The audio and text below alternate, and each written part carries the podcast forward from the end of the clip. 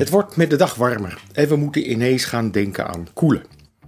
Bij vrienden van ons zag ik een plafondventilator en ik moest ineens denken aan een reactie van een kijker op een vlog die vertelde dat hij een airco om te verwarmen gebruikte in combinatie met een plafondventilator. Hij kon hierdoor de temperatuur van de airco bij het verwarmen van zijn huis veel lager zetten, wat natuurlijk een gunstig effect had op zijn verbruik.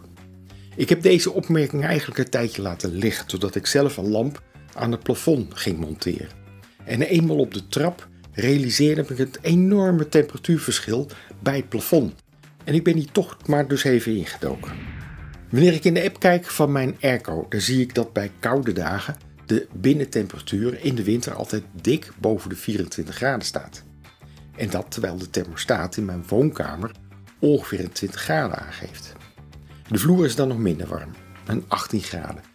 Pas toen ik op de trap ging staan, besefte ik mij eigenlijk hoe groot dit temperatuurverschil dan niet is.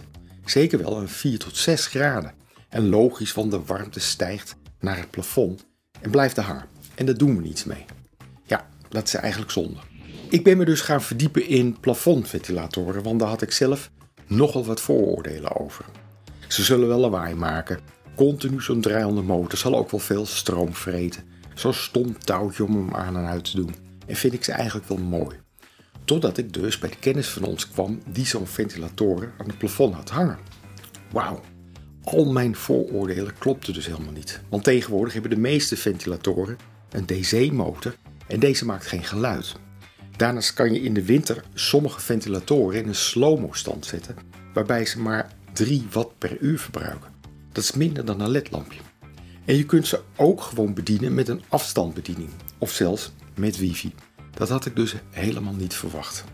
Wanneer je dan bedenkt dat bijvoorbeeld energie-expert Puk van Megeren van Milieucentraal aangeeft dat als je de verwarming een graadje lager zet, dat het dus 200 euro per jaar scheelt dan wanneer je dit niet doet.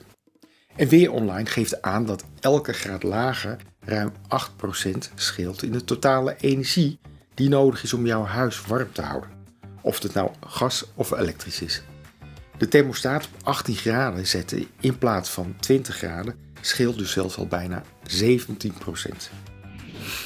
Dus stel dat je door een plafondventilator minder hoeft te stoken, vergelijkbaar met 2 graden lager stoken, dan betekent dit bij een gasverbruik van 1000 kubieke meter 170 kubieke meter aan gasbesparing. Even met het energieplafondtarief van 1,45 euro gerekend, is dat 246,50 euro per jaar. Of stel dat je voor het elektrisch verwarmen van je huis 2000 kWh verbruikt, zoals met een warmtepomp of met een airco, en je kan door een plafondventilator 17% besparen op je energie, dan zou dit in theorie 340 kWh besparen. Dat is dan toch alweer 136 euro wanneer we uitgaan van de prijzen van het prijzenplafond. Voor het koelen geldt natuurlijk hetzelfde, al is het koelseizoen natuurlijk wel veel korter. Al met al kan je dus heel wat geld besparen met een plafondventilator. En dat had ik dus van tevoren zelf nooit bedacht. Dus dat gaan we zeker ook uitproberen. Om dat plafondventilator wel degelijk zo naar de dijk zetten bij de besparing van energiekosten en je deze binnen een paar jaar hebt terugverdiend, hebben we de meeste energiezuinige plafondventilator ook in onze webshop geplaatst. Daar zit ook nog eens 25 jaar garantie op, dus neem even een kijkje. Heb jij al ervaringen met een plafondventilator in de zomer of in de winter? Geef even je mening in de reacties. Daar heeft iedereen weer wat aan. Tot een volgende keer.